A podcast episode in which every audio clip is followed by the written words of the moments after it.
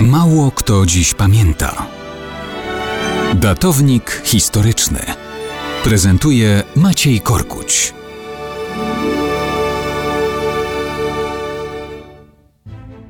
Mało kto dziś pamięta, że Sowieci byli o wiele bardziej niż Niemcy wyczuleni na znaczenie propagandy w osiąganiu celów politycznych.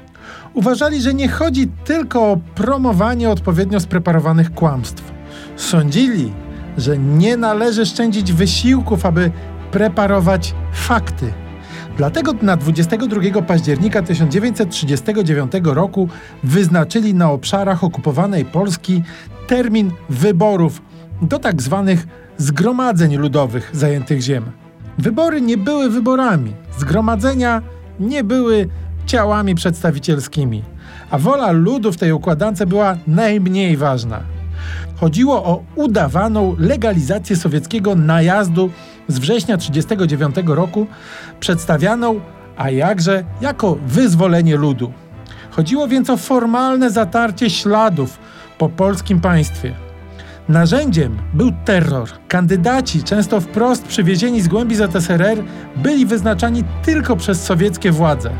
Do urn musieli pójść wszyscy pod groźbą represji, nawet wobec całych rodzin.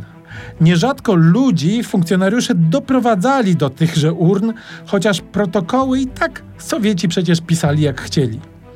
Nie przepuszczano nikomu. Aparat represji meldował do władz. Cytuję. W gminie Żuchowickiej zdarzył się jeden przypadek odmowy głosowania. Antoni Stankiewicz powiedział: Nie idę głosować, po kiego diabła głosować i na kogo. Osobą Stankiewicza zajmiemy się w tej chwili.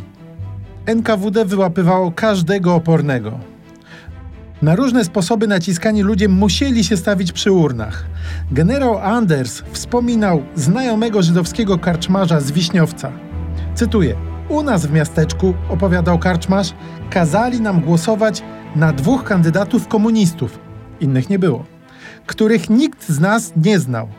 Umówiłem się z całą moją rodziną i kilkoma znajomymi, że wrzucimy białe kartki.